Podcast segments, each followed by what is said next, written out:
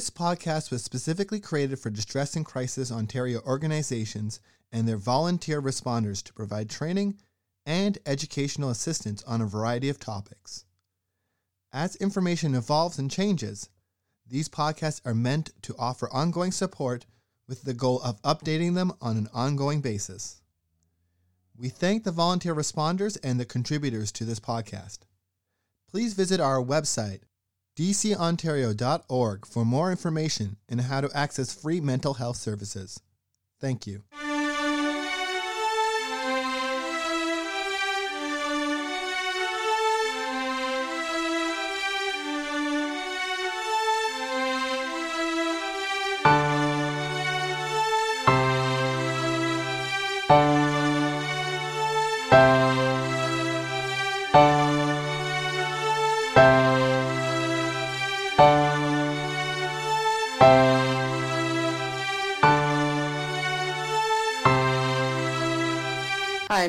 Yvette Perreault. I'm the director of the AIDS Bereavement and Resiliency Program of Ontario.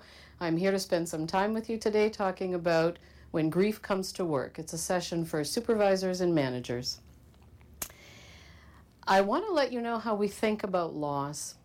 We understand loss as potential, not as pathology. We also understand that our objectives in this work for our taking care of our staff are to decrease people's isolation when they're experiencing grief and to increase people's choices when they're responding to loss. Our goal is to keep workers fresh. Our goal is to keep workers creative. Our goal is to foster mutual support in a workplace and to keep workers well over the long haul. It's our belief that responding effectively to grief in the workplace is an effective management strategy, but we also know that in the management literature, grief and loss is not really talked about. Correspondingly, in grief and loss, people don't talk about managing in the workplace, and we think this is a gap. We understand that death and loss from a variety of sources are going to affect every working person at some time in their lives, which means that if you're managing workers and that staff and volunteers, you're going to be managing grief in the workplace, probably without a whole lot of training to be able to do this. We know that grief impacts the workplace. This is some of the information from our studies. Absenteeism, illness, or high turnover, or an inability for people to take time off. They've got nine days of overtime, six weeks of holiday time, and people aren't able to take a break from the work. We also see a decrease in productivity. We see irritability, emotional outbursts, unpredictable results on the job, a lack of confidence. Workers who were once really effective suddenly have diminished capacity. We also see people with an inability to set limits. So when some of the issues are boundaries, uh, this is one of the effects that we see is people don't know their own limits anymore and poor morale, flatness, a lack of creativity, and that's going to mean increased costs for you premiums for benefits, a turnover, bringing new staff into the workplace. We also think there's opportunities connected to managing grief well in the workplace that that sets a culture of caring for workers. And if that becomes part of your reputation, this is a workplace that takes really good care of its staff and volunteers. That can serve you well. It's a place where people want to work. It also is an opportunity to say to people, as we expect you to take care of the people who call, the people who come to us for service, we will take care of you in that way. And it isn't just uh, policy. It's how we relate to you with respect and with a sense of being genuine about it. Loss shows up in the workplace in three ways. So imagine these are three balls that you're juggling. One of them is when grief comes to work in a personal nature. So that's a worker who's had a death in their family, a traumatic event in their life, a divorce, a separation, um, uh, an ill parent that they're taking care of. So they're going to come to work with that energy and with that stress. The second way that grief comes to work is when you have death in the workplace. So that could be the death of a client, that could also be the death or illness of a coworker. That could also be a traumatic life event. So loss isn't just connected to death, it's also connected to significant transitions in people's lives. The third way that loss comes to work is when there's a change in the workplace. So that will be um, downsizing, mergers, programs closing, loss of funding, or amalgamations. And what we see is people can hold steady with those first two balls if the third ball, the container of the workplace, holds steady. But when there's sudden changes in the container, then these other balls that you're trying to juggle um, end up starting to create some difficulties for people. What I expect as managers is that those three balls are in your workplace all the time, and you've already got a way of juggling those. This conversation is about how can I do that a little more consciously and maybe with a little less stress. I think these things are complicated, but they're not impossible to integrate. So, what I want to bring you are a couple of things, some key underpinnings about how we understand loss and that's just going to help you with your assessment and then some ideas for how you can manage loss at work, both personally and then within your teams. We want you to think about how you conceptualize loss. Because loss is generally not uh, part of our management training, it becomes something that people have assumptions about based on your own frame of reference. So that's what we're going to look at first is how do you conceptualize loss? The first thing I want to talk about is attachment and loss. Why will grief show up at work? Because the people that you're you have on staff or as volunteers have attached to something and then have lost that or that's been a significant change. We think of attachment as a gift particularly when you're doing human service work where you want people to have an empathic response on the phone, you want them to listen well, you want them to listen with their heads and with their hearts. So, Attachment for us is not a problem. Grief is the flip side of attachment. I've attached to something and it's changed and I'm mourning. When I did my training as a psychiatric nurse many years ago, what we were taught was professional distance and objectivity. Step away from your attachments. I have a nurse's heart. That's all about attachment. So the idea of stepping away from attachment created real challenges for me as a young nurse. And I think that's important to recognize. In human service work, people do get attached. As managers, it's our responsibility to help people recognize that, what's an appropriate attachment, and how do we help people detach well so that they can move on. So, we don't see grief as a problem. We see it as a process that we can help people with. And if you expect people to have a genuine caring response in the work, they are going to make connections, they will suffer losses, and they will have a grief response. It's not a problem and it's not a personal failing. I want a big appreciation for workers in this conversation that that we understand that the ability of people to have a compassionate response, the ways that people connect, are also the very same ways that cause people to suffer when there's been a loss or when there's been a significant change or when there's been a death. So, what makes people good at what they do is also the place that they may be wounded in the work. And for us to have a soft appreciation as managers about that. You can't say to people, I want this, but I'm not prepared to deal with this. So, some truisms about grief we attach, we lose, we will mourn. So, grief is natural, it's normal, but it's also disruptive and it's traumatic, and we can't forget those last two parts. Grief has no timetable. So, what that means is a current loss in the workplace can often generate other losses, resurrect other losses for people, and people can feel a little crazy about. So, this old woman died. Why am I having nightmares about my mother or my grandmother? So, we need to help people connect the dots. It may not be this loss. What are the other losses in your life? But loss also isn't a linear process. Many of us have seen the charts that show loss as a journey that looks like this. And what we can say to people, it's more of a spiral. So you're going to be hitting a spot here, hitting a spot here, hitting a spot here, and then back up here. And no, you're not going backwards, right? The motion is still forwards and that grief affects us on a holistic level. We tend to have this idea that grief is about sorrow. So when we see people crying, we go, Oh, you're having a grief response. We tend not to recognize it when it's anger or it's fear or it's numbness where people disconnect.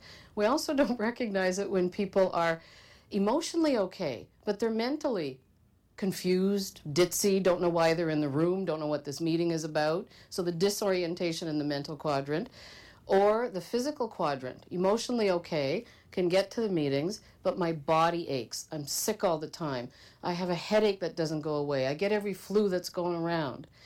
Or the spiritual uh, effects of loss, which we see as meaninglessness.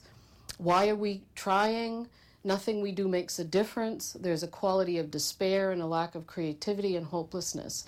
And I think that's really difficult for people to say, I'm in spiritual distress. You know, we can acknowledge some of some of the ways that people respond, but spiritual distress is tough for the people that I work with. So, generally, when we talk about this pattern of moving through loss, we recognize that when people have had a loss, there's going to be a period of shock, disorientation, maybe a little numbness, and then some emotional expression, with, which can come out as anger or rage, right? Maybe sadness, maybe anxiety. And then people move through a time of missing, just missing. That's the period of, I understand that that person is dead. I understand that they're not coming back, and I'm really sad or upset about that. And then people have to make their way through life without that person that they're attached to or that place or thing that they're attached to. We call that reorganization. How are we going to reorganize around the loss?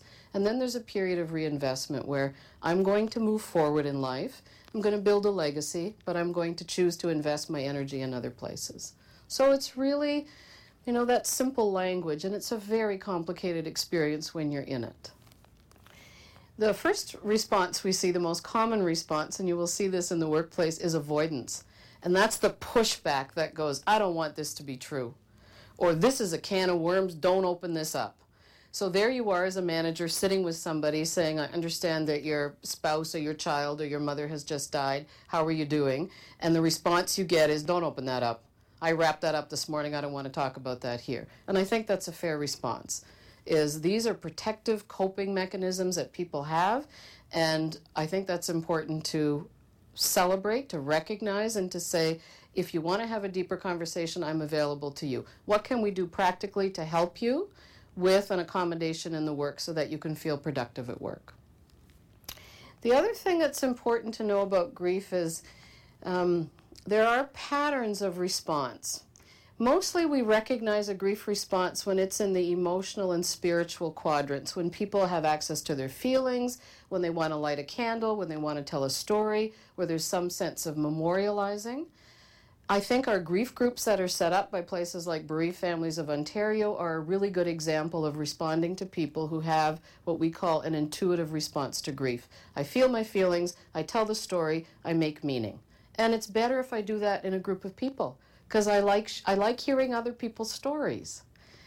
On the other hand, you've got people we call instrumental grievers that I don't think our society does so well by. These are the people who are physical and mental.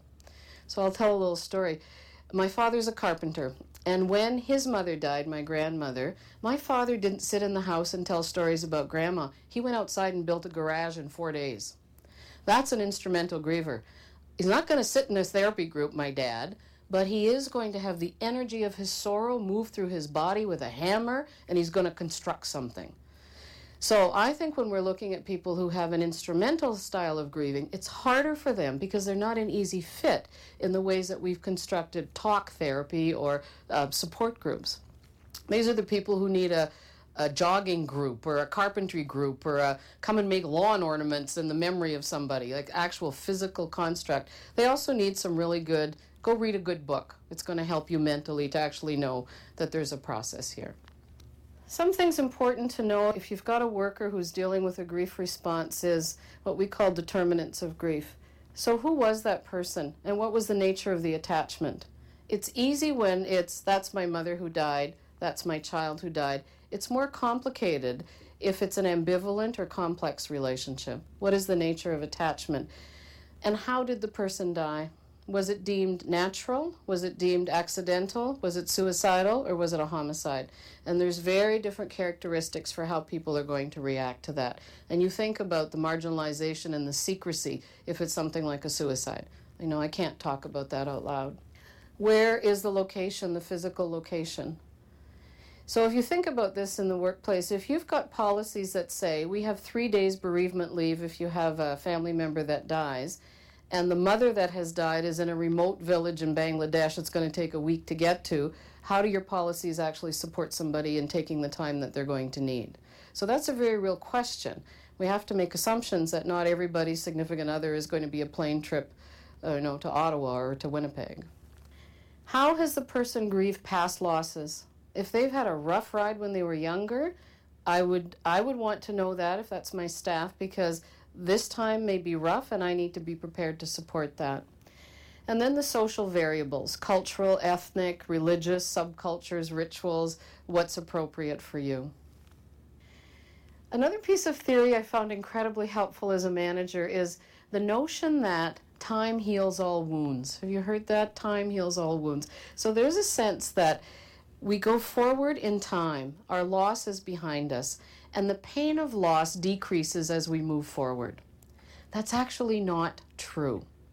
There is a phenomena called STUGS, this is in the clinical literature sudden, temporary upsurges of grief, STUGS, that say that as you move through time, there'll be a reminder, an anniversary, There'll be the first Christmas without the person you love, the first holiday, the first significant uh, milestone in a family life, a grandchild that's born and your mother's not there.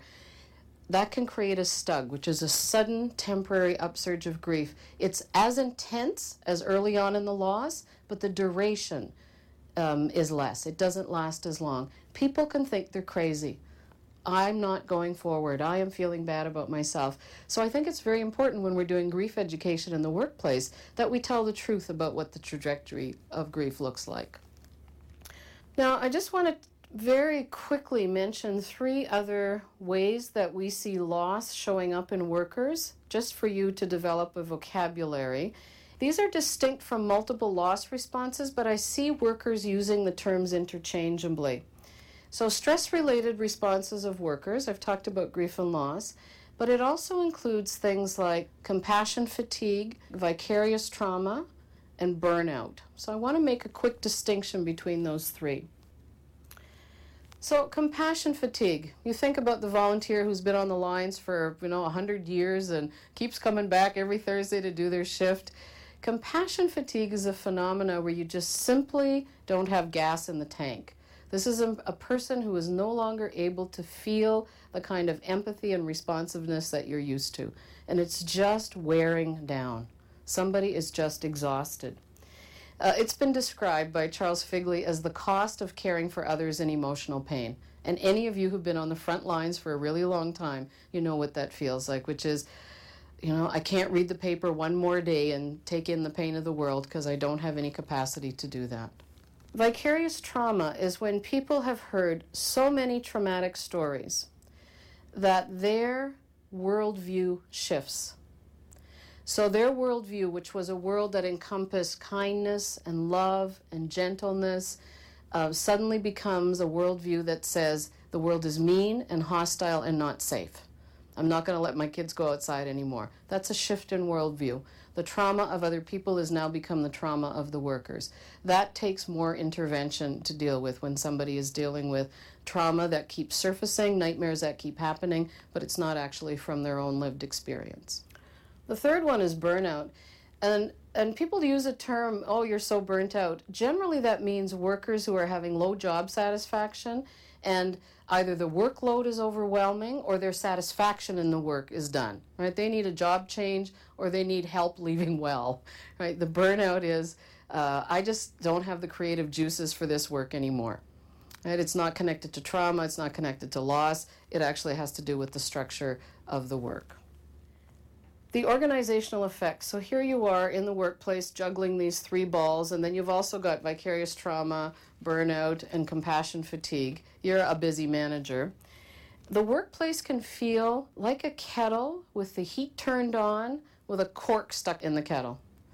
The image of that for me is we don't have control over that heat, those of us who are frontline human service workers, right? That's somebody else's hand on the dial. But we do have control over that cork in the kettle. And I think capacity in the workplace is you can feel when things get heated up in a workplace. The, the steam needs to come out of the kettle. How do we help workers get that cork out?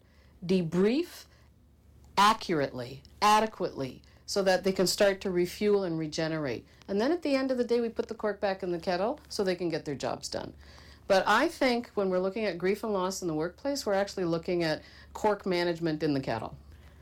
So, how can you support individuals? You can appreciate that loss responses are unique. People are going to have different ways of approaching uh, their loss, but there are certain phases that are important for you to be familiar with. Understand that loss response takes time. Somebody comes back from the funeral for their dead partner, uh, that doesn't mean that their grief is over. In fact, their grief has probably just begun. Right? The busyness of the funeral has taken their attention. Now they're going to live into life without their partner when people do grief work well, significant personal transformation can come when people have a sense of what meaning did that attachment have and how am I going to live bigger as a result of this love and this loss. So you may expect we can protect the worker and they're going to be able to come back and be the same as they were before. My experience is if it's been a big change, people want more. And that's either going to be a conversation about let's help you leave well so you can go back to school and get another degree and sing. Or let's readjust your job so you can sink your teeth into something. Uh, my experience is people are not the same and what they want isn't the same. I also think that you get more impact out of this if you can foster discussions about grief and loss in teams and not just do this work individually because the team builds a capacity then. And then people can provide mutual support to each other which i think is less stressful for us as managers when a team can self-manage around loss. The power of presence. Be there. I often have managers who say i'm not a counselor. I don't know what to say. And what I say to you is you get into somebody's office or you send a card and you do the best you can with a response that says, I know something significant has happened here. I hope that you get the support that you need. I am here if there's anything practical I can offer.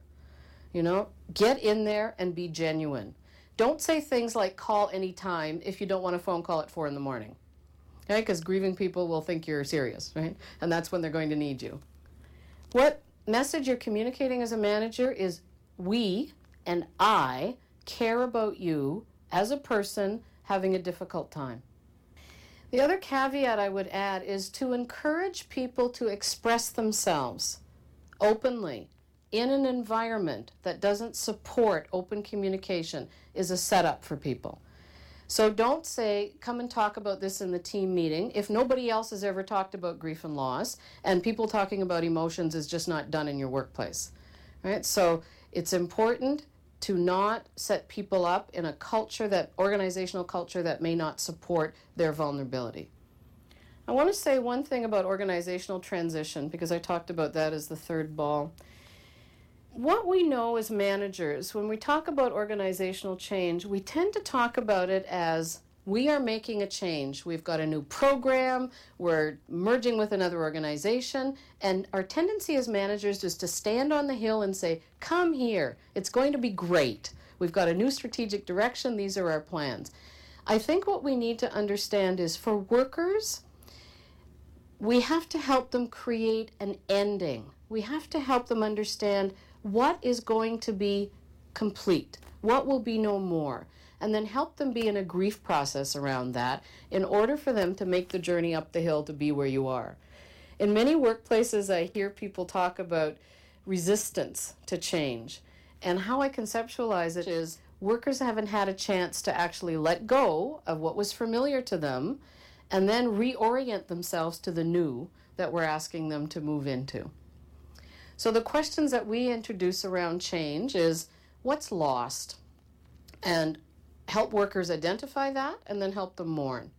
What's left? What can they count on? I am still your manager. You're still going to have your colleagues to work with. It's going to be a new project though.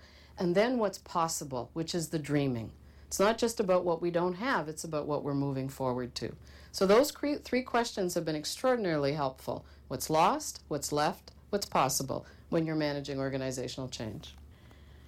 I would also suggest that you take a look at your policies and procedures in the workplace, particularly around loss, around stress leave, around bereavement leave. What have you got, and how flexible is it?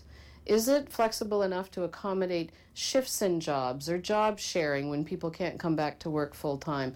Would it accommodate somebody who actually needs to spend a lot of time caring for um, a frail elderly parent and then going through the bereavement process when the parent dies? How broad are your policies?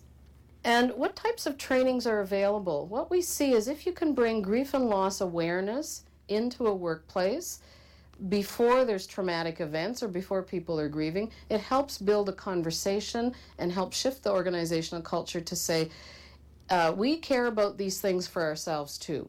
And this is how we can create environments for mutual support. And then my other question is where do you debrief? If you're suddenly becoming aware of these balls that you're juggling, then who's got your back and who's helping you unwind and understand how am I handling these situations and am I doing a good job? So, loss in the workplace. It impacts people. It's a philosophy of leadership. We handle loss well. It's a practice requiring a plan.